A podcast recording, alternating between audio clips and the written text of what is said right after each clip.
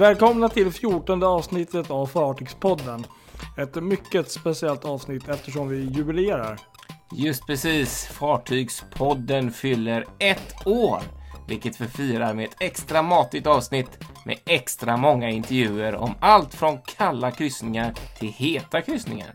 Eftersom kryssningssäsongen nu bara är runt hörnet går vi på djupet med de hetaste anlöpen, största fartygen och flitigaste besökarna i landets kryssningshamnar. Men vi ska också säga hej då till vintern genom ett reportage från världens nordligaste färjelinje med trafik året om. Och nu verkar det som blodtörstiga Dracula tar sig an kryssningsresandet. Och så får vi höra historien om mannen som fixade inlandsis till groggen för passagerare under en polarkryssning. Och så ska vi prata om en spännande rymdkryssning som kan vänta passagerarna ombord på Queen Mary 2 i höst. Välkomna ombord!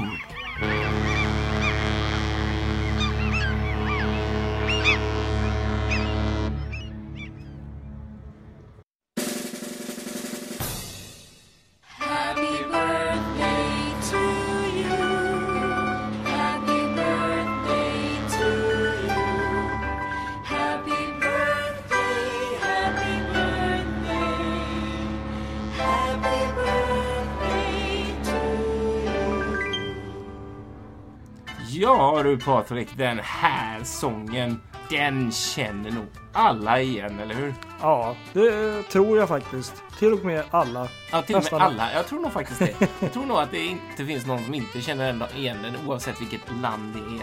Och det är ju fantastiskt kul Mm. att få höra den här i Fartygspoddens 14 avsnitt, eller hur? Ja, precis. Varför spelar vi det nu kan man ja, undra. varför Ja, spelar varför? den? Varför, varför, varför? Mm, Jo, vi fyller ju år. det gör vi. Bam, bam, bam, bam, bam, bam. Yes. Just den 2 april idag för ett år sedan när vi lägger upp detta avsnitt så la vi upp det första avsnittet för ett år sedan helt enkelt, 2017. Och nu har det blivit 2018. Och podden är 14 avsnitt gammal.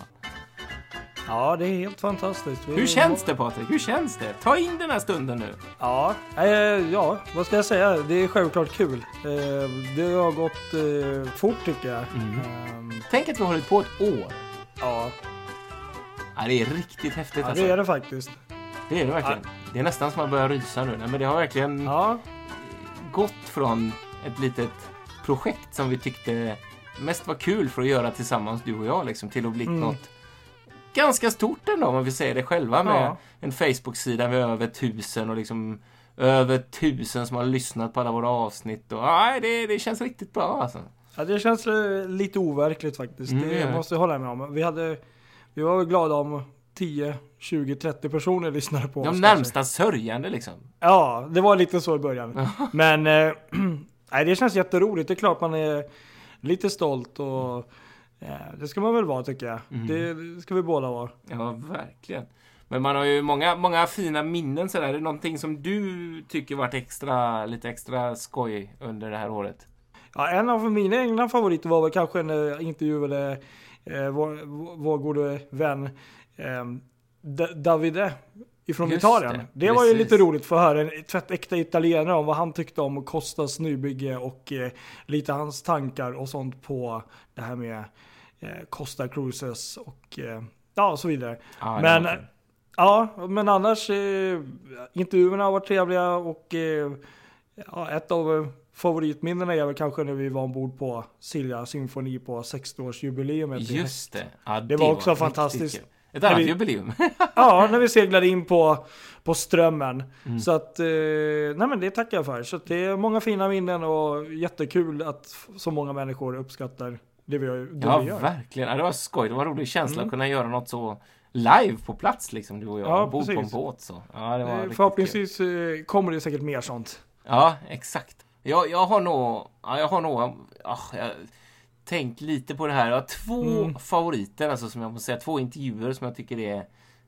Jag tyckte var väldigt roliga att göra. Och det var, en var eh, intervjun med då 25-åriga Isak Luther som var som är styrman ombord på det som en gång var världens största kryssningsfartyg, Harmony of the Precis. Seas. Harmony of the Seas är ju inte längre världens största Nej. kryssningsfartyg.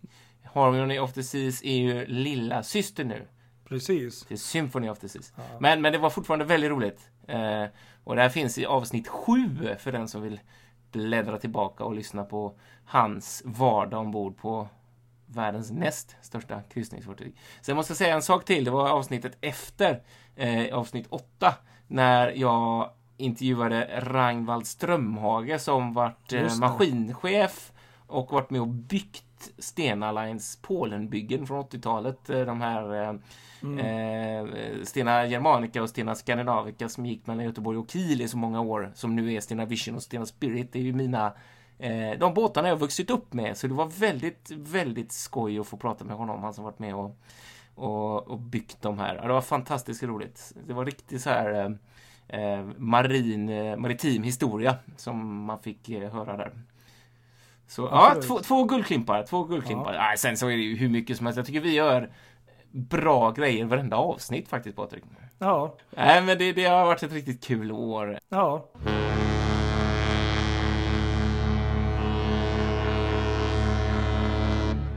Vi kan sitta här och hylla oss själva hur länge som helst, men vi Ja. ska väl kanske gå in lite på, på raka motsatsen, eller vad säger du? Ja. Vi har ju den här programpunkten varje avsnitt, ris och ros. Mm. Eh, där jag har fått såklart lite kul kommentarer, men eh, denna gången har vi fått en riktig sån. En riktig käftsmäll. En riktig... Mm. Mm. Mm. Aj! Ja, en sån Ja, har vi fått.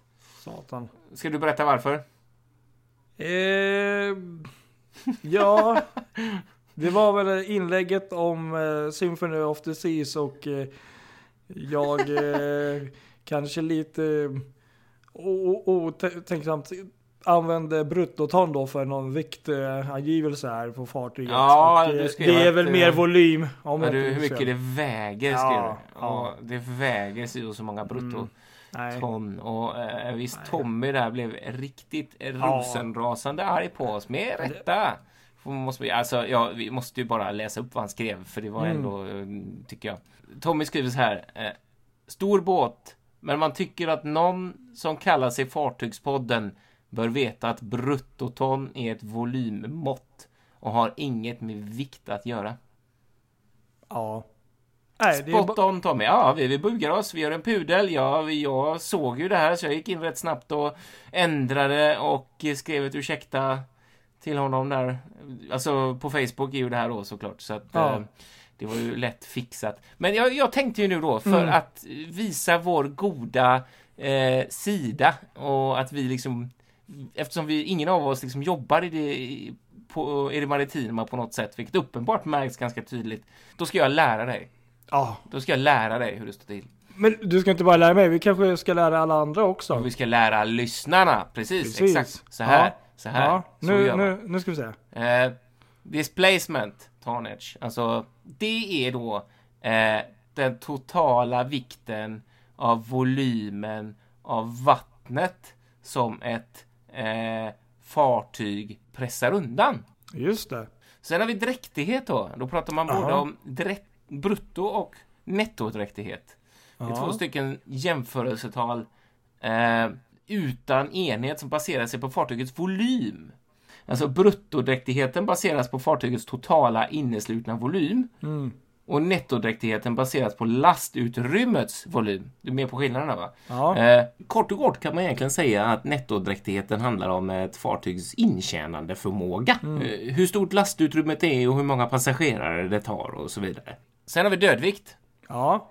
Där har vi, det är ett mått på fartygets maximala lastförmåga och är den totala vikten av last, bränsle, förråd, besättning och passagerare som ett fartyg förmår bära när det är lastat eh, ner till lägsta tillåtna fribord. Ja. Mm, det är dödvikten. För jag menar, när man kommer över det så är, det, så är man död för att då sjunker båten. Precis. Det är väl det egentligen. Det är väl de måttenheterna man behöver tänka på. Mm. Har vi koll på dem nu då? Ja. Ja men nu tror jag att vi vet lite mer. Härligt, då blir det, för, då blir det förhör. Klockan, eh, klockan tre natt väcker jag dig. Fan vad bra. Ja ja, men det där är det är bra. Precis.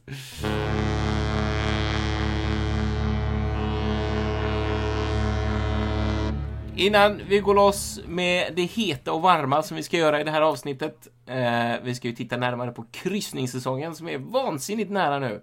Eh, så ska vi stänga det kyliga året, tänkte jag. Vad säger du om det? Låter det bra?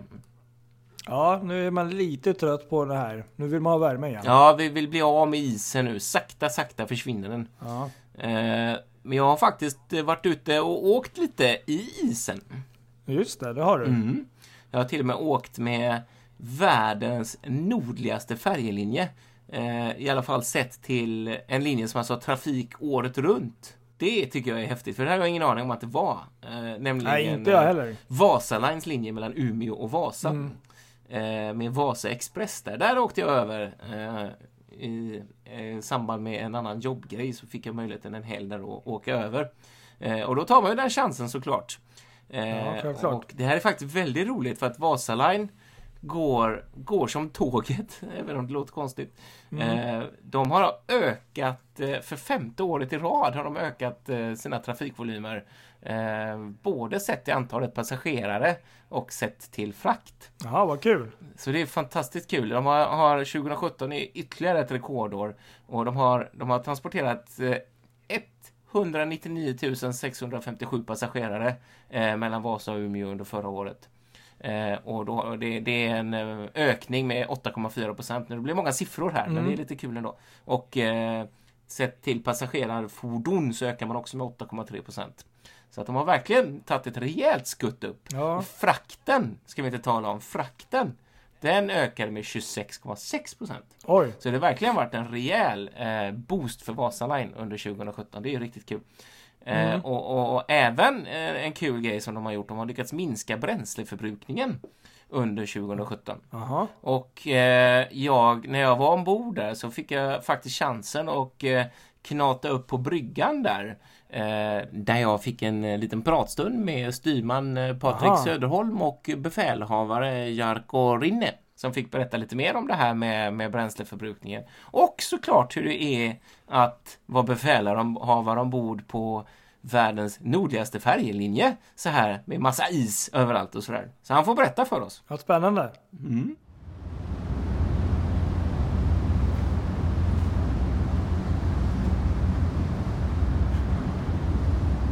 Hur är det att vara befälhavare ombord på Vasa Express? Nå hej, det är väldigt trevligt att Det här är ju då, om jag har förstått saken rätt i alla fall, världens nordligaste färjelinje. Är det så? Ja, det stämmer. Ja. Kul! Nu har vi inte jättemycket is just här, men hur har isvintern varit i år annars? Det har varit ganska hårt isvinter men just nu vinden har hjälpt oss att isen har driftat bort på den här områden men det mera finns, mera finns i Vasafarleden. Ja, just det, okej. Vad innebär isen för er liksom? Bränsleförbrukning ökar ganska mycket och eh, också det saktar farten också. Okej, det gör det alltså. Det kan vara svårt att hålla tidtabellen. Ja, speciellt om vinden kommer och äh, äh, kommer stampvallar och Ja, just det. Men hur har det varit? Har det varit istäckt hela vägen nu under vintern här? ja, det har varit men inte, inte ännu med, inte mera. Är liksom isen på väg att försvinna? Håller liksom våren på att ta, ta över? Äh, Ja, nordliga vinden har äh, putsat på det här området och alla, alla isen har driftat till sydliga området till, till Bottenhavet. Aha, okej. Men hur är det där i Vasa då? Packar sig inte isen rätt mycket runt eh, hamnområdet? No, inte, så, inte så mycket att på Vasaområdet där finns skärgården som, äh, som hjälper att alla isen håller på, på, på plats. Aha. Men här, på här Umeå-sidan det är mera öppet vatten så också isen går att driva lättare som i Vasafarleden. Aha, okej, så det blir nästan lurigare här då på denna sidan då liksom? Ja, isläget varierar mycket mera på den här sidan. Ja. Hur mycket is klarar Vasa Express då? Det är svårt att säga exakt i centimeter hur tjock is vi kan köra i men i ganska tjock is kör vi nog. Alltså på, på Vasasidan nu har vi cirka 30-40 centimeter tjock is. Och, och där kan vi nog köra ut ur rännan och, och bryta upp en ny ränna. Ja, okej. Har ni liksom fått uh, tvingats att ha isbrytarhjälp och sånt där någon gång eller? I år har vi klarat oss utan isbrytare. Men att uh, vi har suttit fast några gånger men kommit löst för egen maskin. Att brutit upp ny ränna bredvid eller någonting annat. Jaha, okej. Ja, då förstår jag. Intressant. Den här eh, linjen då mellan Umeå och Vasa, eh, den tycks ju gå väldigt bra. Jag såg några siffror där på att eh, ni ökar antagligen antal både frakt och passagerare ökar för varje år och det var femte året i rad va? Ja, så, så är det att siffrorna är väldigt bra och uh, varje, varje år har vi ökat både passagerare och frakt. Jättekul ju, verkligen. Mycket kul. Vad, vad, är, vad tror du är förklaringen till det då? Jag tror att det finns många orsaker och uh, vi har hållit tidtabellen väldigt bra här så människor vet att vi kör här och håller tidtabell och vi är tekniskt mycket pålitliga här och uh, vi har också gjort ganska mycket insatsning på marknaden. Har marknadsfört rederiet och linjen liksom med nya kryssningskoncept och sånt där. Ja, vi har många nya olika produkter som kryssningsprodukter och uh, hotellpaket till Sven- Sveriges sidan och till finska sidan, både och. Kul, det är ju jättekul ju. Vad är det för människor som åker då, skulle ni säga? Mest det är finskorna, men äh, också vi har ökande antal folk från Sverige här och på sommartiden turister från alla världen. Jag såg det var ett hockeylag bland annat med, om, med idag här med, med killar, eh, finska killar som är på väg tillbaka från någon kupp. Jag kan tänka mig att sådana resenärer också är, är viktiga för er. Ja, de är mycket viktiga och eh, sommartiden där finns också fotbollscup på Umeåsidan och nu, mässan är mycket stor intressa, intressant på finska sidan på svenskspråkiga människor tycker att gå där de Nulia-mässorna. Men som idag då, vad hade ni? 331 passagerare? Är det, är det mycket eller lite för en normal söndag? Det är normalt antal. Och ni, eh, ni besättningen här, är, är ni, ni är från Finland hela gänget eller? Ja, hela gänget är Finland men just nu gör vi eh, renovering till vår passagerar eh, toaletter så vi har ganska många människor att gö- på att göra det arbetet. Ja, just det, precis. Det är inför eh, lite renoveringsarbeten inför högsäsongen då antar jag. Ja, just, just så att före högsäsongen och sommar börjar så vi, är, vi har allt färdigt för, för folk att komma här.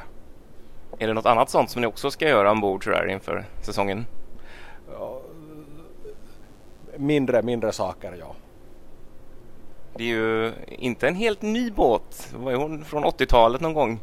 Eh, hur, hur, hur mår Vasa Express? Vasa Express är byggt 1981 och vi har gjort nästan varje år renovering här så till nu renoverar vi mm, toaletterna men i förra år ko- konferensområdet. Ja just det, jag såg den ja. Den såg jättefin ut. Ja, det är helt ny. Men eh, som sagt, en äldre båt. Vad, hur, vad säger ni? Vill ni? Ni vill ha en ny båt va? Ja visst vi, vi, vi vill ha ny båt men eh, det är mycket politiskt. Hur går det och så, så kan jag inte säga mycket på det. Det får politikerna bestämma där hur... Sen så är det ju inget fel på, på, på Vasa Express som, som nu heller att hon, hon, är, hon är nog tekniskt sett väldigt bra. Skrovmässigt väldigt bra i skick för att vara gammal båt. Vad roligt. Och Vasa Express äh, fartygstyp och storlek passar just perfekt på den här linjen. Det kan jag tänka ja. Ja, det, det är mest av isförstärkt färjorna på Östersjönområdet är för stora till här. Vilken isklass har hon? E- Ett A. Det är ett A ja. Jag såg en annan rolig grej där jag läste något pressmeddelande. Ni har eh, lyckats minska bränsleförbrukningen under förra året, 2017. Hur, hur lyckades ni med det? Ja, det är möjligt att vi har gjort på vår maskinrum eh, optimering till så kallat kombinator mode. Vad innebär det då? Kom, kombinatordrift så, så betyder att när man justerar farten här uppe på, på, spak, på reglagerna så ändrar både propeller, propellerbladsvinkeln och varvtalen på axeln samtidigt. Aha. Att annars om man kör på, som i hamnområdet vid manövreringar kör vi på fasta varvtal och då pro, snurrar propellrarna med samma varvtal hela tiden och då ändrar vi bara vinkel på propellerbladen. Aha, okej. Var, det, var det ett stort ingrepp som ni gjorde under ett varvsuppehåll då eller var Nej, eller bara teknik? Liksom? det är teknik att det är en, det är en kurva, en, en, ett diagram som det följer som ska optimeras för att det ska fungera för vår drift. Ja, då fattar jag. Så att den där, den där kurvan så har, har blivit optimerad så att den passar in för vår, vår trafik här nu med vår, vår tidtabell och på så vis har vi kunnat spara in på bunker. Också vi kastar loss när, omgående när vi är färdiga så vi kan, vi kan öka lite körningstid på det sättet också. Just det, just det. Ni tjänar några minuter där per gång. Liksom. Just, just det och per, per år det gör ganska mycket. Ja, det kan jag verkligen tänka mig. Lite, liten optime, optimering här och där och det kommer. Kul, verkligen. Vad, vad säger ni annars då om framtiden för den här linjen? Fra, framtiden ser väldigt bra ut. Och du håller med? Ja, visst, som, som det ser ut så i och med att frakten ökar och, och vi, vi, vi kör pålitligt enligt tidtabell och fr- befraktarna så, så väljer att köra med oss så, så ser framtiden väldigt ljus ut. Kul, roligt. Och eh, nu ser det ut att ekonomisk lågkonjunktur är eventuellt över så det hjälper också. Helt sant. Vi hoppas att det är många som vill komma och åka med er under, under sommarsäsongen här då. Så det blir fina, fina siffror även 2018 då. Ja, vi säger välkommen.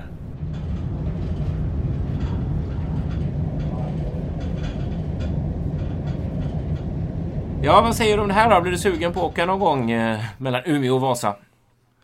Eh, ja, absolut. Det verkar ju vara en eh, trevlig linje. Inte minst, ja, nästan kanske mer just när det är is faktiskt. Exakt. Som du fick göra. Jag såg bilderna och var väldigt avundsjuk. Men, ehm, eh, nej, men intressant att höra och lite ur hans perspektiv. Och eh, ehm, kul att det går så bra. Det var väl en linje som var på väg att försvinna för ett par år sedan om jag Ja, inte minns det fel. var ju det när de hade den gamla Ja. RG, RG Line som gick där. Men så har de verkligen fått fart på det med, med Vasa Line här. Jättekul, jättekul. Och nu hoppas de ju verkligen då på kunna få till en ny båt liksom tids nog. Men det är ju... Ja, det, är väl, det var, väl på tal om det. Ja, precis. De måste det ju- det blir ju ett politiskt beslut där eftersom det är Umeå och Vasa kommuner som äger rederiet så får de liksom fatta beslut där. Så det tar ju ett antal år men det, det ja, även om eh, Vasa Express är uppenbart i good shape så är hon en 80-talare så att det är klart att det behövs. Hur eh, var fartyget annars? Eh, Jo, men jag tycker att det var en väldigt mysig färja måste jag säga som eh, man väl egentligen kan jämföra lite grann med Viking Lines Rosella storleksmässigt och även eh, även om Rosella fått sig ett ansiktslyft så lite samma ja, storleksmässigt. Eh, det var mycket båtkänsla måste jag säga. Liksom så. Man eh, känner, det är en riktigt klassisk 80-talsfärja. Eh, passagerardäcken, alla passagerarutrymmen är väl liksom fördelade på två däck där, däck 7 och däck 8. Eh, med en bra shop som var ganska stor med välsorterad shop. Eh, eh, barer, information och sådär på däck 7 och så eh, bar förut också med fin utsikt och restauranger väl samlade på ett och samma område från eh, ja. från en sån uh, à la carte restaurang om man vill äta lite Okej. finare till eh, en vanlig self, ser- self-service restaurang där också där jag åt en köttfärslimpa eh, som var helt okej måste jag säga så. Eh, verkligen alltså. Inga, inget, eh, inget ont om den. Nej, så att eh, bra båt, bra känsla på den här båten. Jag gillar henne faktiskt. Det var, och soldäcken måste vi säga någonting också om eh, på däck 9 där. Skönt att man kan gå runt överallt. Eh, nästan i alla fall. Det som jag störde mig på lite var längst i fören så hade de satt eh, eller det har gjorts någon gång när de- hon byggdes om så fanns det så här utrymme man kunde komma längst förut och titta. Eh, Men så har de satt igen dem med stål, eh, stora stålväggar med ett litet plastfönster i som man kunde titta igenom istället. Eh, Men så fanns det en liten dörr där som ehm, man kunde öppna om man ville vara lite go wild så att säga. Eh, och breaking the rules så att säga. För det stod att man egentligen inte får gå ut där. Men eh, det kunde ju inte jag låta bli. Det var en annan fotograf som gjorde samma sak. Så, så jag tänkte att ah, ja, det är nog ingen som skjuter mig för det. Eh, men annars, väldigt fin båt. Och just, men just så här års när det är is är det ju fantastiskt. Det är ju en riktig naturupplevelse att åka där uppe när man får se se isen och se fartyget Ja. pressas igenom. För Vasa skärgård är ju jättefin. Inte, så, Okej. inte fullt så stor som Åbo till exempel och sådär, men ändå Nej. stor så att man liksom kan stå på däck länge och titta ut och... Ja, det hade jag ingen aning om. Nej. Nej. vi har sett bilderna och det finns ju en jättefin video på Instagram och eh, är det på Facebook? Har du också Ja, där ligger den. Precis. Exakt, tror jag i alla fall. Men, men eh, ja, så okej, fartyget... eh, eh, Nej, men hon var ja, mysig sådär. Det var det, en, Ja. en grej som var väldigt rolig. Jag är ju så här lite nörd såklart som vi är. Eh, och, så jag frågade honom där, eh, kapten Jarko Rinne, om det finns något, om man har sett något, om det finns något spår ombord från den gamla tiden. För, för Vasa Express har ju förflutet som eh, MS Travemünde en gång i tiden. Eh, som gick i trafik där mellan, eh, mellan Gedser och Travemünde. Och Ja. det här var lite kul för det ser man faktiskt precis när man kommer ner från bryggan ner till besättningens där de bor. Så sitter en originalritning där på väggen. Eh, där det står precis eh, red- rederiets eh, namn där, Gedse Travemünde och så står det då eh, MS Travemünde på. Och eh, en ritning och det var lite udda faktiskt för det var någon av matroserna där som var med mig som hajade till också när de började titta på den för att det här fartyget hade ett förligt roder eh, precis vid eh, nedanför bulben. Där satt ett förligt roder en gång i tiden. Och det är ju en konstruktion Jaha. som inte riktigt man är så van vid sådär så att de var så här, "Åh, vad var det där? Men eh, det finns ju inte kvar nu längre. Eh, så. Men sen så har ju fartyget också gått i trafik för eh, Gotlandsbolaget som Kälvar mellan Visby och Nynäshamn. Och så har det gått för Color Line som Color Traveller. Och eh, där hittade jag faktiskt ett spår eh, längst fram i fören. Och där satt en liten, liten skylt eh, med en text som höll på att försvinna på norska. Vad roligt. Där det står Fjärn eh, splint får öppning. Står det. Ja, ja Fjärn kul. splint får öppning. Alltså, typ, eh, man måste, man måste stänga det på något sätt efter sig innan man upp. Så eh, det var lite kul. Sånt där är alltid roligt liksom. Och spana omkring och gå och titta efter gamla spår. Sen har ju den här båten hetat Rostock också får vi inte glömma. Eh, tag den gick ju för Scandlines också. Mellan Rostock Mm. och eh, Gedser. Så den har haft många namn och den har även varit nere Ja. i, i eh, Medelhavet. I, ehm, i Las Palmas och hette Betancuria. Gick mellan Las Palmas och Puerto del, Puerto del Rosario. Oj. Ja, verkligen. Lång historia. Ja, det, så är det verkligen. Och det tror man inte att den ska komma hem igen. Men så, ja, Chi fick dem. 2012 så vart det resa tillbaks från Las Palmas ända upp till Vasa. Och nu är det alltså en färja som går, går i eh, väldigt, väldigt mycket is. Ja, verkligen spännande. Kul. Kul!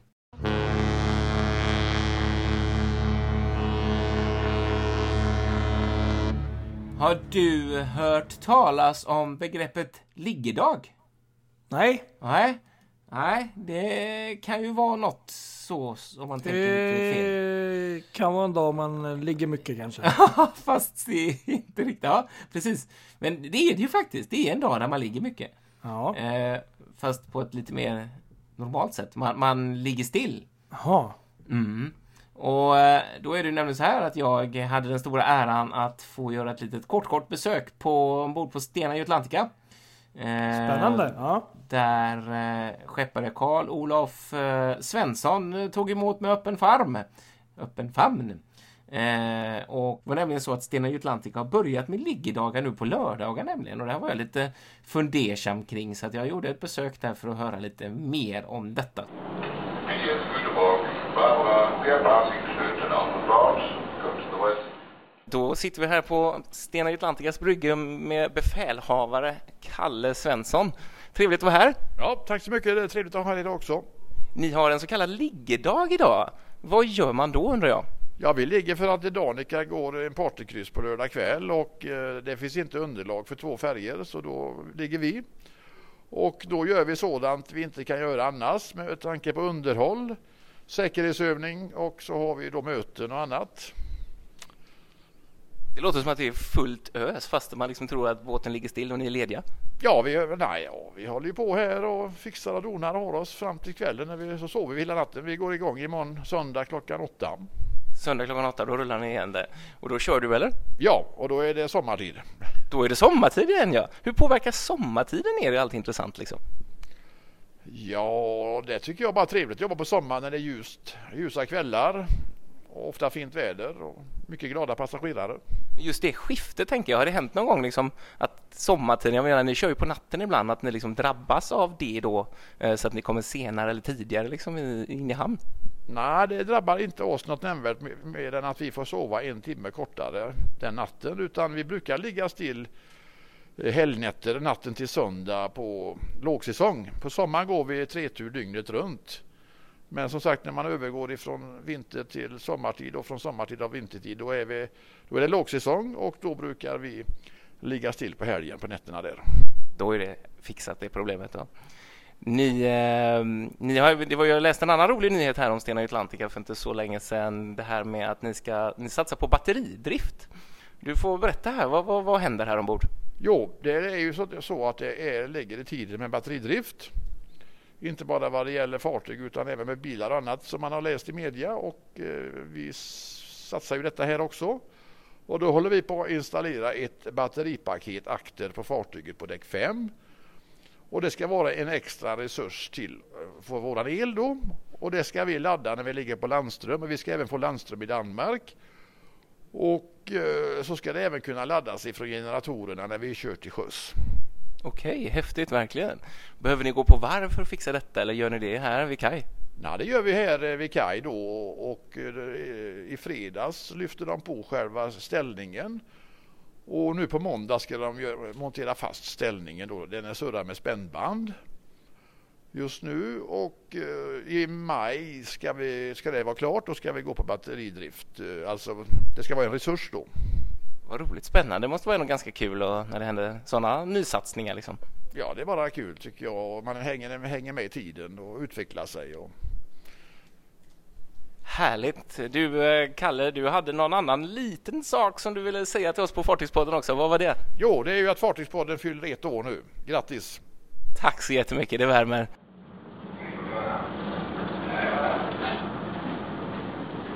Ja, tänk att du fick grattis där Ja. kapten. Härligt, härligt. Ja, det snyggt. tackar vi för. Tack. Ja, så snyggt ska jobbat. det låta. Exakt, precis. Ja. Härligt, härligt. Riktigt kul. Ja, det är roligt det där. Han är en trevlig prick.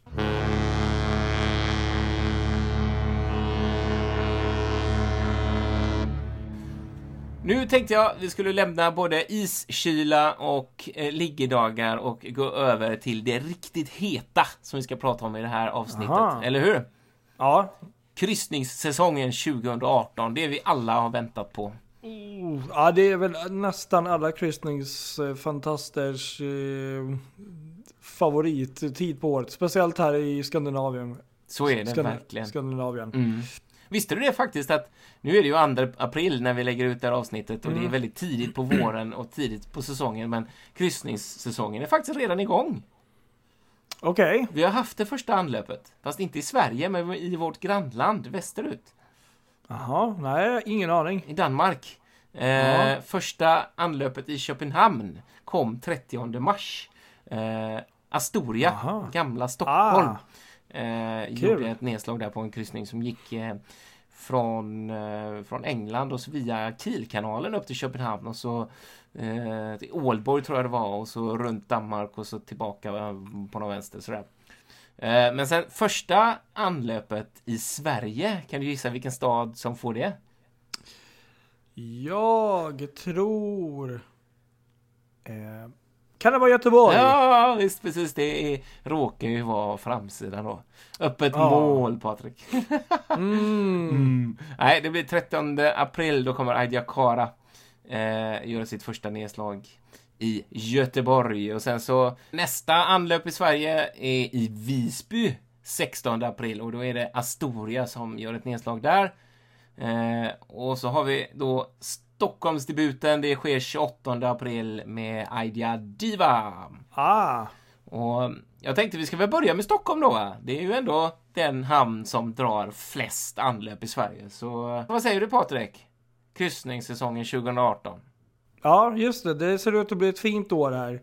Med sammanlagt 278 ehm, besök. Varav 32, ja, varav 32 är i Nynäshamn. Vilket då tangerar det gamla rekordet med åtta fler anlöp. Ja. Och ehm, totalt så är det då 70 olika fartyg som kommer till våra hamnar här och. Besöker storstan. Ja, vilken grej. 70 olika Ja. fartyg. Ja, det där Ja. är... Oj, oj, oj. Ja, det här har man att göra om man ska titta på alla dem. Ja, verkligen. Det känns ju som att, ehm, ja, det, det är säkert också mycket för att Stockholms stad har ju satsat mycket på just det här med kryssningar och eh, bygga ut eh, hamnar eh, på många ställen, bland Mm. annat Stockholm, eh, Nynäshamn har väl gjort en del och Kapellskär, det kommer inga kryssningsfartyg i och för sig. Men, Mm. men de har ju ändå satsat mycket på bygga ut sina hamnar och eh, ja, kunna ta emot fler fartyg helt Mm. enkelt. Precis. Så det är väl ganska logiskt. Sen är det väl också, antar jag också att det är ju en otroligt vacker insegling och utsegling. ehm, Mm. Som, Sen är det ju en huvudstad också. Så ja, det, är klart det får vi inte glömma heller. Det är ju en otroligt vacker stad, precis Mm. som Göteborg då, som båda ligger vid vattnet. Ja. Men eh, det är många som bor här, det är en stor stad och eh, ja, Mm. så att ehm, Ja, det är välförtjänt. Det är verkligen välförtjänt, måste jag säga. Det är det. Ja, jag, jag, tycker det är jättekul. Det är väl intressant att se var gränsen kommer gå sen med största antalet, eh, eller ja, när vi snackar size helt Mm. enkelt. För det är ju redan nu- så att eh, vissa ligger där och eh, ja, norpar lite på gränsen. Kommer de komma in här eller inte? Det är, ja, Mm. många faktorer hänger på. Ja, det det. Men eh, det är ju en del nykomlingar i alla fall som kommer Ja, till Stockholm och eh, av dem så är det då bland annat MSC Preziosa ja. från italienska MSC Cruises då. Det är systerfartyget till MSC Fantasia som var förra året. ja just det. Som är här då. eh, Cool. med sina 333 meter. Ja, riktigt fina fartyg. Ja, häftigt. Får komma, komma nio gånger också. Ganska... Nio gånger kommer de precis. Det, är, det är väldigt många. Det, ja, faktiskt. Ja. Eh, sen är det då Mindshift 1 som kommer. Och det är ju Just då det, nybyggda. Precis, det är inte den gamla Mindshift utan den nybyggda då från TUI Cruises, då, ty- tyska rederiet då. Och de här, är, jag har alltid undrat lite vad skillnaden är. Jag kan inte alla specifikationer men det här fartyget är lite längre än de tidigare versionerna. Det är 315 meter. Så Aha. att den här eh, nya klassen, vilket eh, som jag förstår att det är nu då, ehm, är något längre än de tidigare Mindshift Ja, det. Ja. Jag tror, jag tror de låg på 295-96 där, så att eh, något längre. Ja, det blir ju verkligen då flaggskeppen av Ja. TUI Cruises här nu då som kommer. Precis. Så att Ja, det är därför det är lite kul för att Ja. de här ersätter ju de tidigare ettorna, ettan och tvåan. Precis. De försvinner ju bort nu och blir Ja. sålda och så kommer en ny etta och en ny tvåa då när tvåan är klar. Ja, det är en ganska fantastisk historia hur de här fartygen började byggas och eh, ja, som du säger, de tar det blir liksom 3, 4, 5, 6 och sen går vi tillbaka till ettan och tvåan Ja, och exakt. tar bort precis, dem. exakt. Ja. Lite krångligt kanske om man inte riktigt hänger med, men ja. Vi får ta en lektion på det någon gång. Ja, vi snackar mer om den när den kommer sen i maj. Det måste vi göra. Och sen så kommer då en annan nykomling då, som Mm. egentligen inte är en nykomling, men det är ett Som nytt är namn. ny ändå. Ja, Ja, precis. Det är då Marella Discovery, som Just är det. Just det. före detta Splendor of the Seas. Som, ja, eh, precis. Tydligen, eh, TUI Discovery hette den under förra året också. Just det, ja, de byter Mm. namn oftare. Som har Jaha. fått en helt ny målning och eh, ja, de har byggt om dem och så att de passar det nya brandet. Så. Ja, Eh, ja, kul Nej, det, att där är det, riktigt, det där är ju roligt. Det där vet jag. Det där har väl du en rolig story med? Ja, faktiskt. Eh, ett av de här absolut första stora kryssningsfartygen jag verkligen minns. Ehm, jag tror att det var faktiskt eh, 1996. Mm. Det kan vara 96, 97 där. Så Mm. minns jag att ehm, min pappa ringde mig faktiskt. Jag var just då på um, andra sidan Sverige. Jag var faktiskt på västkusten. Mm. Eh, Mm. Och eh, så ringde han och var helt lyrisk och sa det. Ja, du tror inte det, men nu har ett så enormt stort fartyg passerat här och jag har aldrig sett något så stort. Och jag, du vet, jag ville ju bara sjunka genom golvet och bara, varför var jag inte där? Ja, det var ute i Eh, Kapellskär Det är din sommarstuga. Jajamensan, där ute hade han då sett det här enorma fartyget och på den tiden, man visste ju inte så mycket då kanske om alla kryssningsfartyg. Mm. Ehm, men sen eh, två eller tre veckor senare så fick jag faktiskt se det och då, då var det som man höll på att ramla omkull. Det var ju så brutalt stort om man jämför mot Finlandsfärjorna. Ja. Mm. Ehm, så det är faktiskt ett ganska kärt minne jag har. Ehm, det första kryssnings... Häftigt alltså. Ja, Kul grej. Det där blir faktiskt. roligt att Ja. se igen då.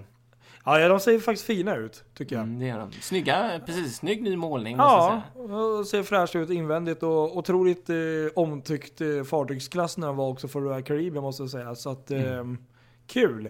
Eh, en annan nykomling är ju då um, något mindre fartyg då.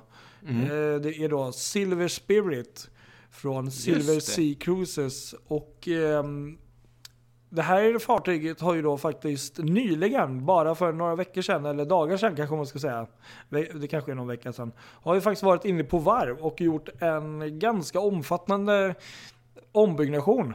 Jaha, Man har ju faktiskt förlängt fartyget. eh, Ja, är det det fartyget ja. man har förlängt? Ja. Det har jag missat. Just det. Och så Gud vad häftigt. hon var 196 meter förut och eh, är numera 210,7. Så man har, man har förlängt henne med 15 meter och eh, det finns faktiskt både video och eh, bra bilder på nätet.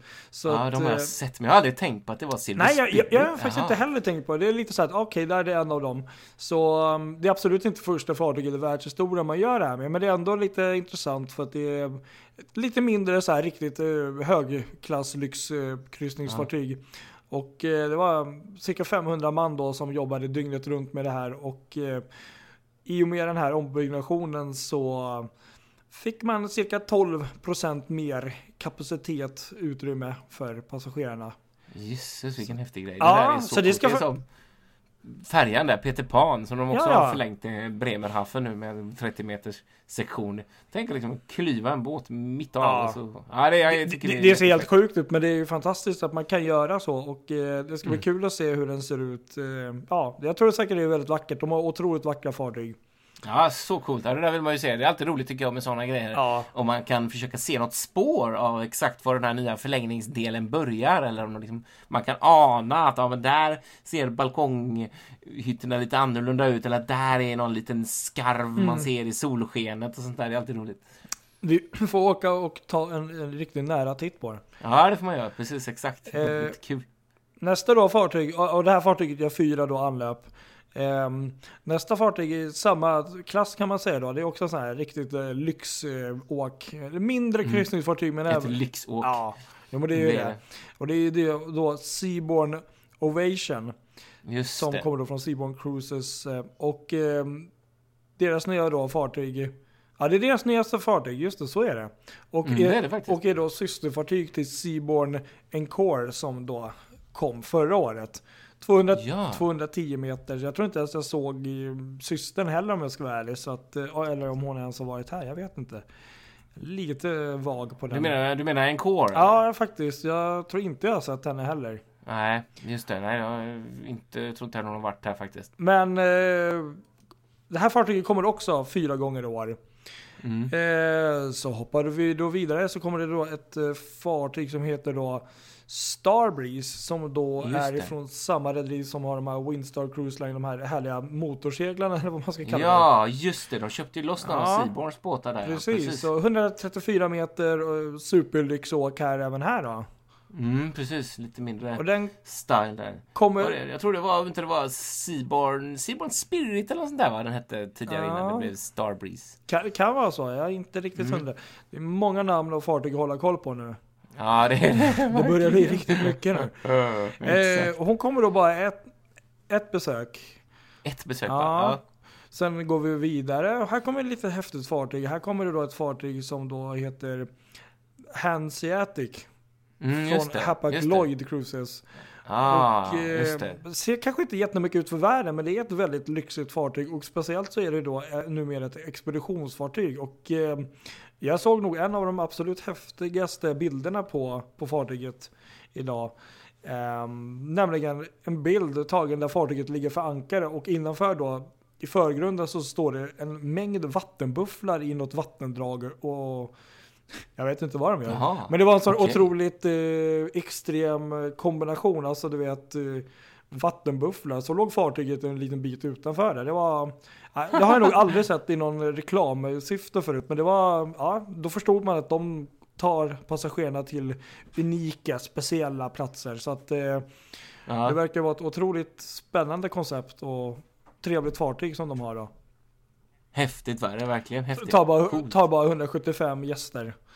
Ja, ja, Eh, ja. och den kommer också bara en gång.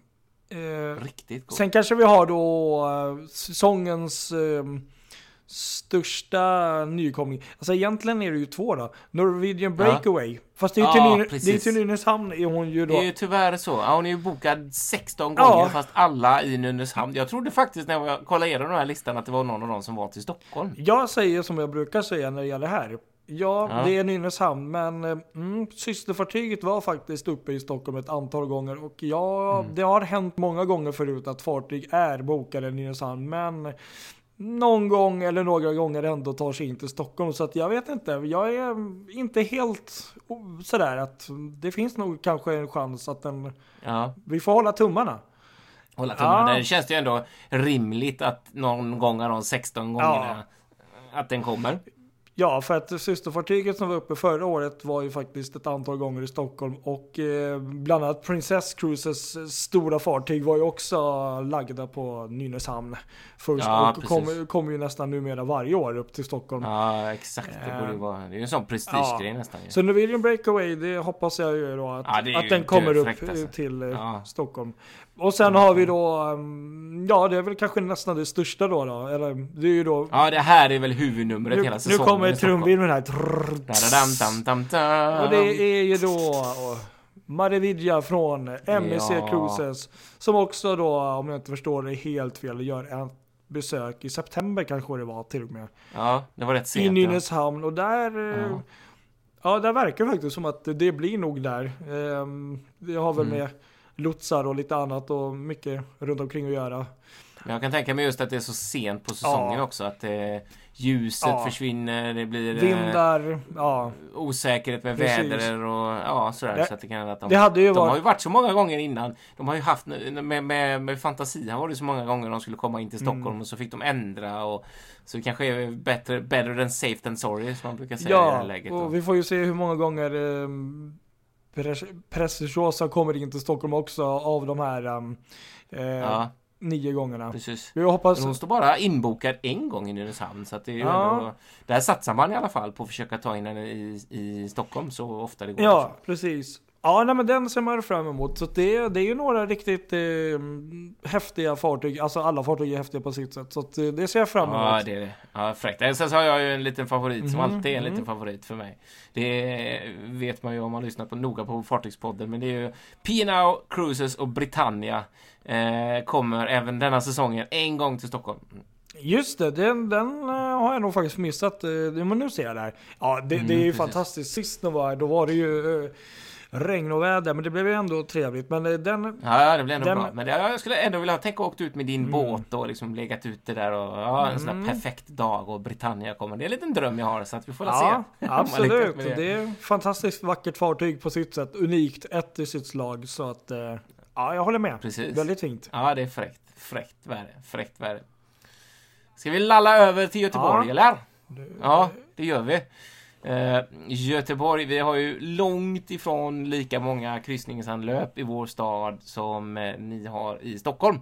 Men eh, jag tror det var 44 stycken som ligger i, eller 43 43 stycken anlöp totalt är det som vi har inplanerade i Göteborg denna sommar och vinter. För vi har ju några julanlöp Ja, där också. det. Eh, och, eh, men det som är kul är att det ändå är ett rekordår i Göteborg. Trots att vi har varit uppe liksom på 73 anlöp 2013 så är det ett rekordår i år. Det, det låter ju riktigt kul. Hur, eh, Ja. hur då tänkte jag säga. Jo, så här. Det är nämligen, råkar falla sig så att jag har ju räknat lite på det här och sett att de här 43 anlöpen görs av 26 olika fartyg. Ja. Och aldrig tidigare har det varit så många olika fartyg Aha. som det är i år. Eh, 2015 när det var hela 73 anlöp, då var det 25 olika fartyg. Och förra året när det var 44 anlöp, då var det 25 olika fartyg också. Mm. Så att nu är det liksom nytt rekord med ett enda fartyg. Eh, 26 olika fartyg som kommer, så att det är ju riktigt Det låter kul. som att du kanske sett igenom det här och, och ehm, undrar om ens Göteborgs hamn vet om det här. Ja, jag vet inte. Ja, precis, exakt. Nej, men så här, för att, för att eh, det finns en stor, jättestor nyhet, nyhet som alla eh, på Göteborgs hamn är väldigt stolta Ja. över. Och det är att i år, eh, nu faktiskt 13 april, Ah. när Idea Cara kommer, så ska den nya Ah. kryssningsterminalen vid Amerikakajen invigas. Spännande, spännande. Det blir en premiär där. Man ser ju fram emot att få se den här nya terminalen. Eller hur? Precis. Ja. Du, jag ska visa dig allt när jag, jag fått tillträde där Jag gång. kommer göra en inspection när jag kommer på besök i maj. Ja, det gillar jag. Det Mm. gillar jag. Eh, vi här i Göteborg, Aidia Cara som inleder säsongen den 13 är också den flitigaste gästen Ja. i år här med fyra anlöp tillsammans med Balmoral som Ja, också okej. gör fyra Ja. anlöp. Så vi har ingen, ingen sån där som gör tio anlöp i år utan det är liksom några få. Det är ju det som gör att det blir så många olika fartyg. Då. Det är ju ganska roligt också Eh. tycker jag. Det är ju lite kul med Ja, det är det. lite olika. Ja, det är det verkligen. Det är det som är det roliga ju. Vi har ju då precis som ny i Stockholm, eh, Marella Discovery kommer Ja. hit. Eh, gamla Splendor of the Seas gör tre stycken nedslag i vår härliga stad. Eh, första gången någonsin. Eh, Splendor of the Seas har inte vad jag vet varit här någon gång heller. Eh, så det är lite kul. Sen har vi den här läckra lilla yachtliknande kryssan eh, Le Boreal kommer två gånger. Eh, och jag var tvungen faktiskt att kolla för jag var helt... Eh, det är ny då. Eh, jag, jag var helt säker på att hon har varit där tidigare men eh, jag har kollat igenom listorna och inte kunnat se det utan systern har Okej. varit där ett par gånger. Le Sorial men inte Le Boreal. Så det blir ju premiäranlöp då också. Och sen så har vi då samma som i Stockholm också. Mindshift 1, nybygget, gör två stycken eh, besök nu under våren här. Eh, Bland annat vet jag ett, eh, under en av de absolut första kryssningarna gör ett besök i Göteborg. Eh, En sån där nästan som är till och med före själva jungfrukryssningen. En sån in, i- ja, inför, inför så att säga. Sen så är det ju jättekul att nu äntligen ska vi få besök av Viking Ah. Sky och Viking Sun. Bägge två kommer eh, till nya kryssningskajen i, i där. Två gånger var. Riktigt kul. Det där ser jag fram emot verkligen att få se dem liksom inne i Ja. stan. Så det är ju det som är det roliga. Man får se dem glida in vid Eriksberg där. Ja, riktigt kul. De är så snygga också. De lägger till vid nya terminalen. Ja, de gör ju det. Så att de kommer precis under där. Ja, men läckert. Det där eh, får man se om man är nere på besök när de är där. Ja, Mm. riktigt kul. Det ser jag verkligen fram emot. Sen har vi ett eh, nybygge för året som kommer också. Eh, Le La Perouse. Eh, har vi nog pratat om i podden tidigare. Den här eh, också en sån superlyxig Mm. yacht som gör ett besök en gång. Och sen har vi då årets absolut största Mhm. anlöp. Norwegian Breakaway. Ah, Ja, kul. visst, exakt, exakt så himla roligt. För att förra året så kom ju Norwegian Getaway på ett besök. Eh, och nu kommer då Norwegian Breakaway på också ett besök där eh, i oktober. Om inte jag vill minnas fel. Ja, precis 3 oktober. Så det, det, är, ju, det är ju riktigt kul. Och det är ju lite kul också att eh, du och jag har ju faktiskt åkt med Ja, vi har ju Breakaway. det. Så att bara Ja, det är har ju faktiskt, faktiskt. eh, ganska Ja. häftigt så liksom. Eh, och sen sista nya är också då Seaborn Ovation. Så att det, det, det är ett gäng nya fartyg som aldrig varit i Ja, Göteborg. men jag tycker ändå det låter spännande som du sa. Det, det är ju lite roligt med eh, när det kommer lite olika Ja. fartyg och inte 39 Nej, besök exakt. ett. Jag menar, det är ändå åtta nya, åtta fartyg som aldrig Ja. varit här tidigare. Så det är ändå en väldigt bra Ja. säsong måste jag säga. Ur nördperspektiv sett så. Så det är Verkligen. väldigt kul.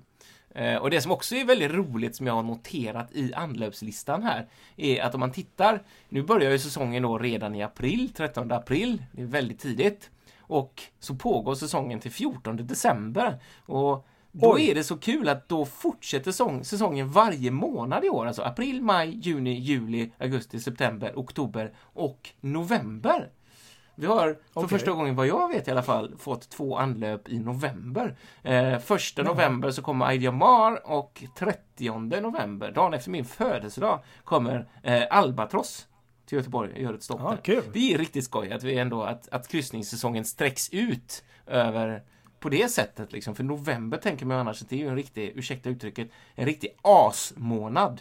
Vem vill liksom åka till Göteborg i november? Det finns inte en mänsklig själ som vill det egentligen, men uppenbart så är det några som vill uppleva detta as till Ja, sen, har, sen har ju ni fördelen också att eh, det, det är ju med nya terminalen där också att det, det är mer öppen farled in. De kan ta sig in ganska snabbt och ut så att eh, på så sätt är ju Göteborg ju jättebra Ja, stad det är det. Verkligen. att eh, besöka för kryssningsfartyg under en längre säsong. Ja, det är det. Precis. Exakt. Ja, då har väl Göteborg avhandlat tror jag. Jag tänkte vi får väl säga något om eh, Gotland som ju råkar ändå Mm. vara faktiskt, jag måste erkänna det, större än vad Göteborg är när det gäller kryssningsanlöp.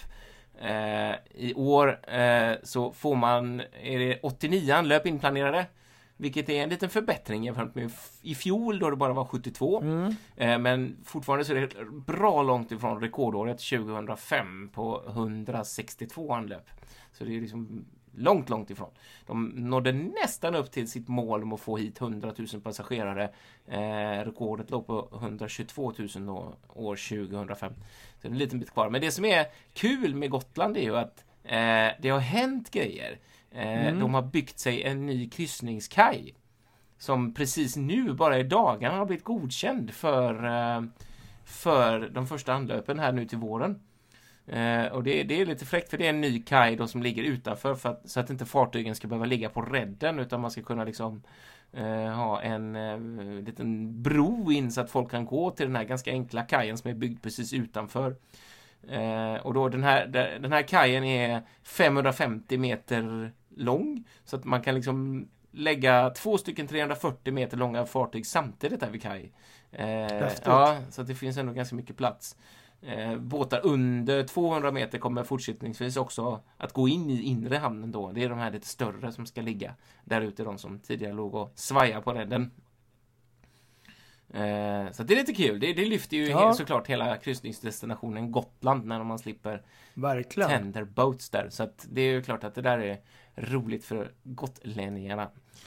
Eh, sen att jag gått in i detalj och analyserat anlöpslistan, det tänkte jag att det får väl de som bor på Gotland göra. Eh, men sett till hela Sverige så, så är det ju ett, an, ett gäng andra städer som också får anlöp i år. Borgholm, eh, Helsingborg får något färre än vanligt. Eh, Karlskrona, Luleå, Lysekil, Malmö, Örnsköldsvik, Sundsvall, Umeå och Västervik. Kul. Ja, Så det är ett gäng med, med städer som faktiskt får besök av kryssare i år. det är riktigt eh, kul att höra.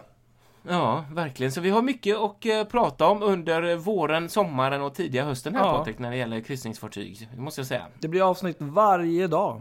Ja, tänk om man haft så mycket tid. Det hade varit helt fantastiskt. Ja, Livesända varje dag när dagens kryssningsfartyg kommer. ja. ja, det hade varit något.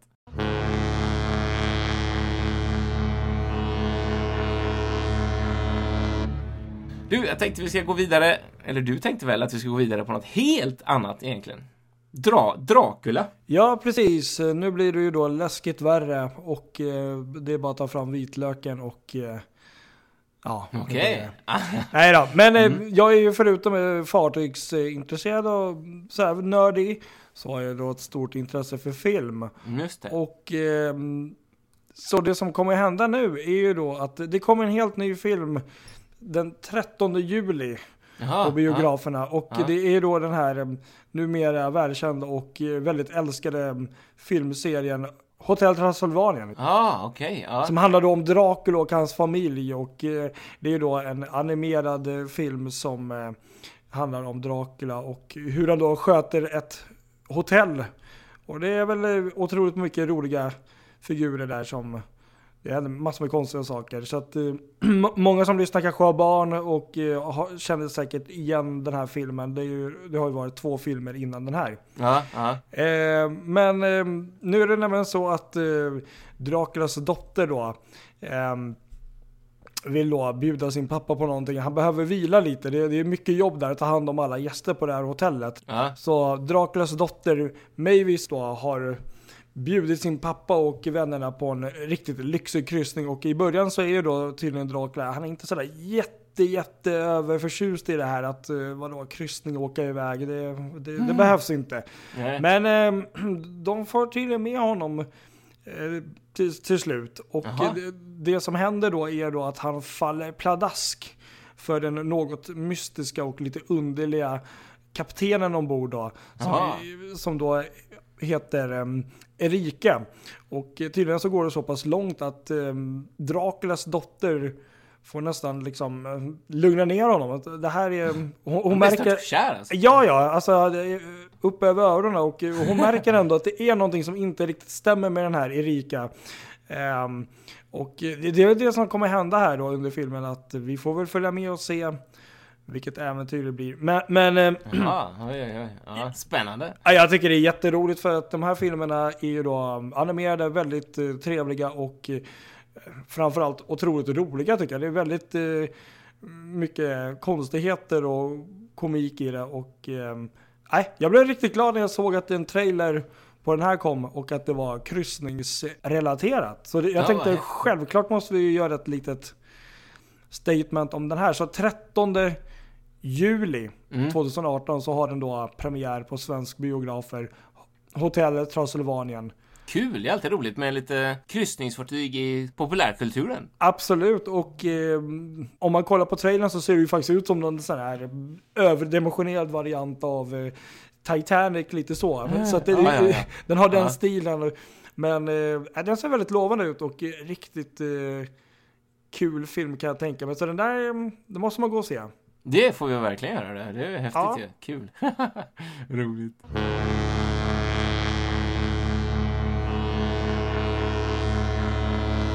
Eh, Queen Mary 2, en annan kär båt, ska vi prata om nu.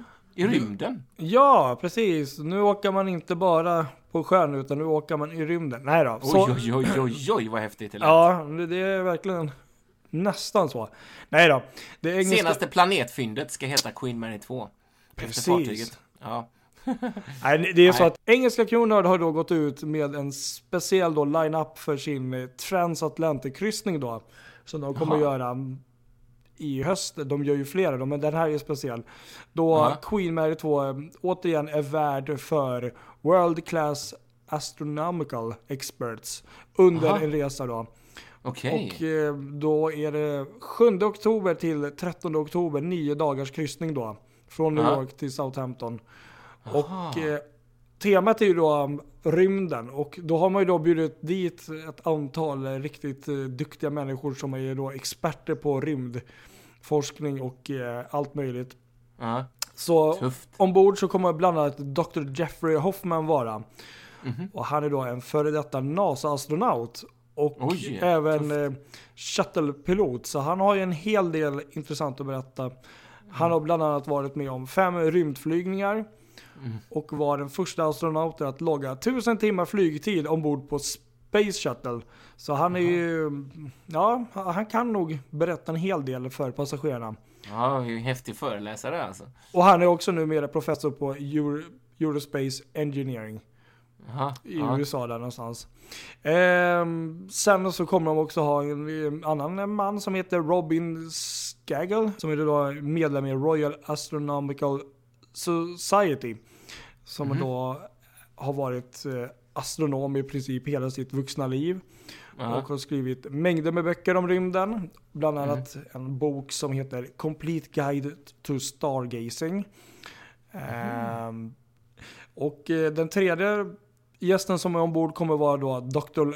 Lavrens Kuznets.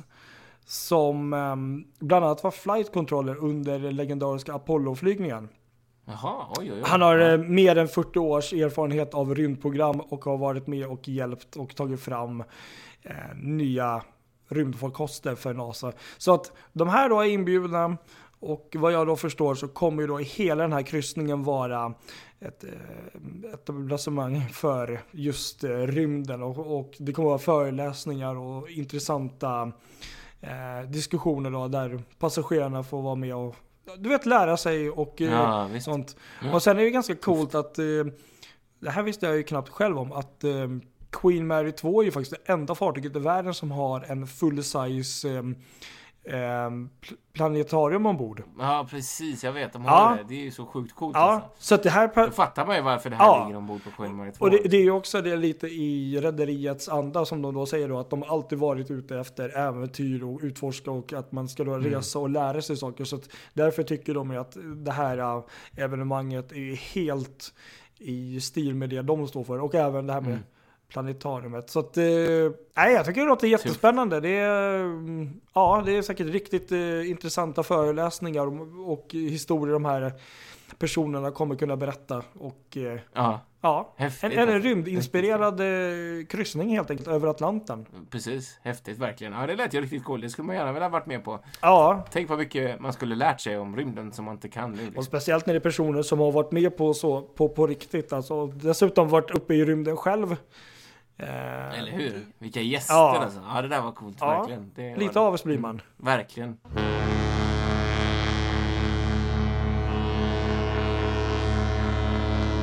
Ja, vad säger du? Vi börjar närma oss slutet på eh, vårt jubileumsavsnitt här. Men jag tänkte faktiskt vi skulle ta och fira lite till med Ja, en till intervju Åh, så här. härligt. Bara för att det just är jubileum. Normalt sett så brukar vi kanske ha en intervju eller något varje avsnitt, men nu jäklar, nu drar vi på ordentligt. Jag har nämligen varit ombord på Stena Germanica Ja, och eh, träffat en överstyrman där eh, som heter Alf Jakin Ah. som har en eh, mycket spännande karriär bakom sig. Han har nämligen jobbat ombord på på sådana här eh, polar, eh, polarkryssningsfartyg. aha, spännande. Eh, ja, exakt. Bland annat Lindblad Explorer som sjönk. Inte när han var med såklart, men, men han har varit där ombord och eh, han, han har mycket spännande att berätta och ja, ni ska få höra själv vad han har varit med om. Ja, kul. Så sitter jag här med Alf Jakin ombord på Stena Germanica. Trevligt att få komma ombord här. Tack för det, roligt att du är här. Jättekul! Men nu var det faktiskt inte Stena Germanica vi skulle prata om utan en annan båt, Lindblad Explorer där du har jobbat, eller hur? Ja, det var ju länge sedan när man var ung, på 80-talet. Jag fick möjligheten att åka med Lindblad Explorer ner till Antarktika, nämligen 82. Gjorde vi en fin resa ner dit. Häftigt! Och eh, det var ju spännande att komma ner till eh, isbergen och så vidare. Och eh, framförallt kommer jag ihåg- en episod när eh, det var amerikanska passagerare ombord. och Det var en sheriff från Texas med sin cowboyhatt på sig och eh, amerikanska boots. Och så skrek han upp till skepparen att han ville ha is i sin whisky. Och befälhavaren Hasse Nilsson han manövrerade fram fartyget till närmsta isberg och körde in näsan. Så sheriffen kunde med sitt glas få fånga sig en bit Antarktis is i sin whisky. Vilken häftig grej! Oj, oj, oj. Det var ingen som trillade i då? Nej, eh, och det var nog lika bra det för det är rätt svalt i vattnet. Nej, Det är det ju. Skönt! Hur länge var det du var där ombord på Lindblad Explorer då? Ja, det var bara sex månader. Sen var ombord en törn, sen vart det utflaggning också. Det var ju svenskflaggad en mycket kort tid i dens fartygshistoria. Som bara var, jag tror är ett, ett och ett halvt år kanske, det var svenskflagg. Eller två. Aha, okej, just det. Men hur, då gick ni, du får berätta, hur såg rutterna ut liksom? Hur gick ni? Ja, den eh, gick ju då på säsongen eh, när det var sommar här uppe så var det vinter där nere. Så var tvärtom menar jag att den gick ner i Antarktis när det var eh, vinter här uppe. För då var det ju sommar där. Och så gick han, eh, ja, det var nord och sydpol och däremellan så var det Amazonas och Karibien. Den gick överallt, det var ju massa olika resor och den eh, byggdes ju 69 så att eh, dens, den, dens historia är ju väldigt full av äventyrliga resor. Verkligen häftigt alltså. Det är ett otroligt häftigt fartyg där. Det måste varit eh, känts i väggarna på något sätt när du var där.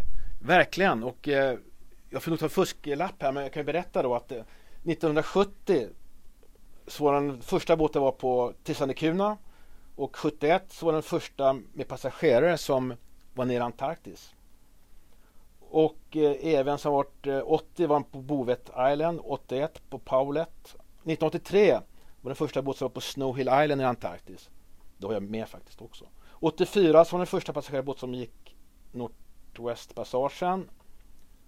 Och det var också först in i Kina. Det, var, det finns en hel eh, riklig historia om detta som går att läsa med på nätet om man söker på Lindblad Explorer.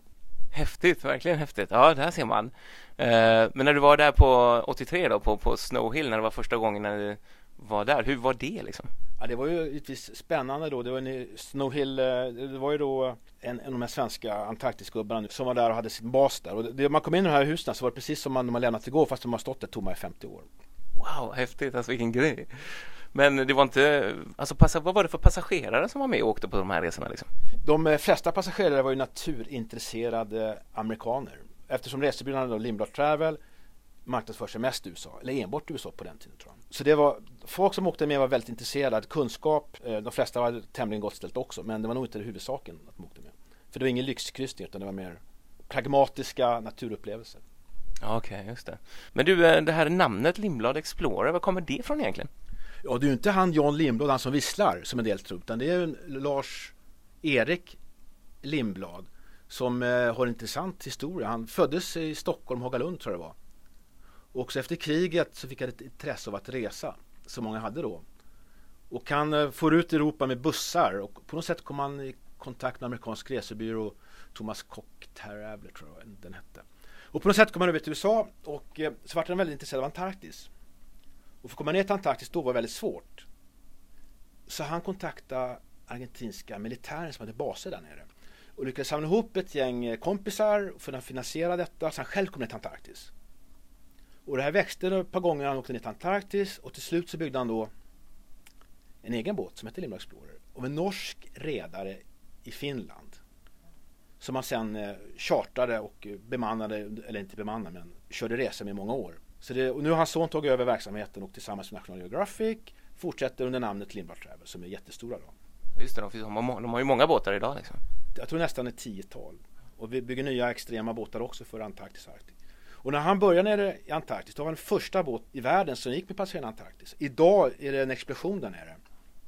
Och eh, när jag var nere på 80-talet så hade ett bra miljötänk i Antarktis. Vi hade vita soppåsar i Antarktis och svarta i Amazonas. Och därför att vi dumpar dem i havet. Ja, just det. Fast det var inga större mängder som tur är i alla fall. Nej, nej, precis. Det var, det var på den tiden det, innan man fattade. Idag är det mycket mer reglerat där nere. Ja. Du får inte gå land hur som helst och bete dig hur som helst. Skydda miljö. ändrat sig mycket med naturturismen som är starkt framåt bransch. Men, men att, eh, att jobba ombord på en båt som gick i sådana natur och den typen av miljö liksom is och allt, hur, hur var inte det, var inte det extremt krävande liksom för er som körde?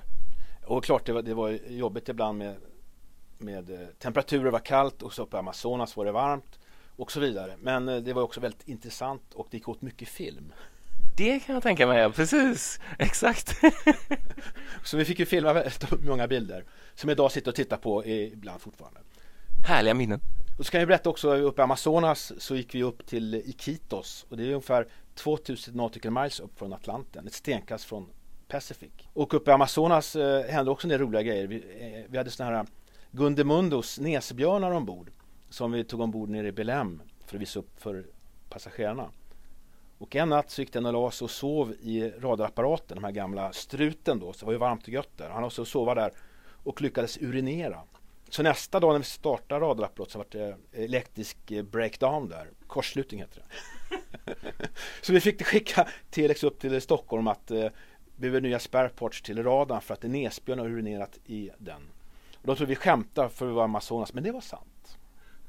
Fantastiskt roligt. Hur löste det sig då? Vi fick spareports i nästa hamn då och i Amazonas så klarar man sig ett bra utan radar också. Det är inte så mycket att välja på att navigera efter. Det är sånt som händer i de miljöerna, de var vana.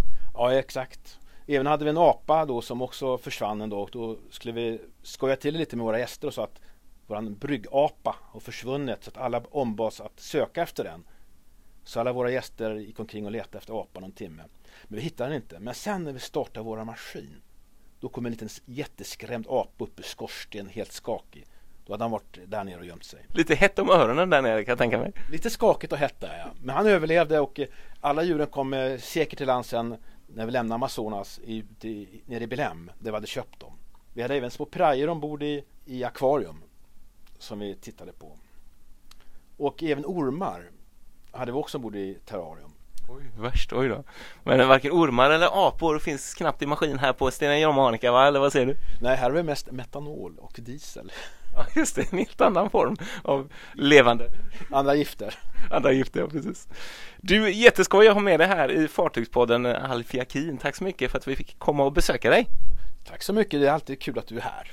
Ja, det där var väl häftigt att höra lite grann vad man kan hur, vad man kan vara med om Ja. som sjöman på, på, eh, Fantastiskt.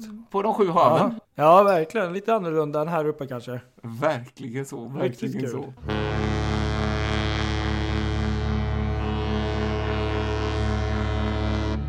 Ja, jag tror vi har tömt ut allt som går Ja. att tömma ut när man fyller ett år. Ja, jag hoppas att alla fortfarande vakna eller har, har ni somnat? Hallå?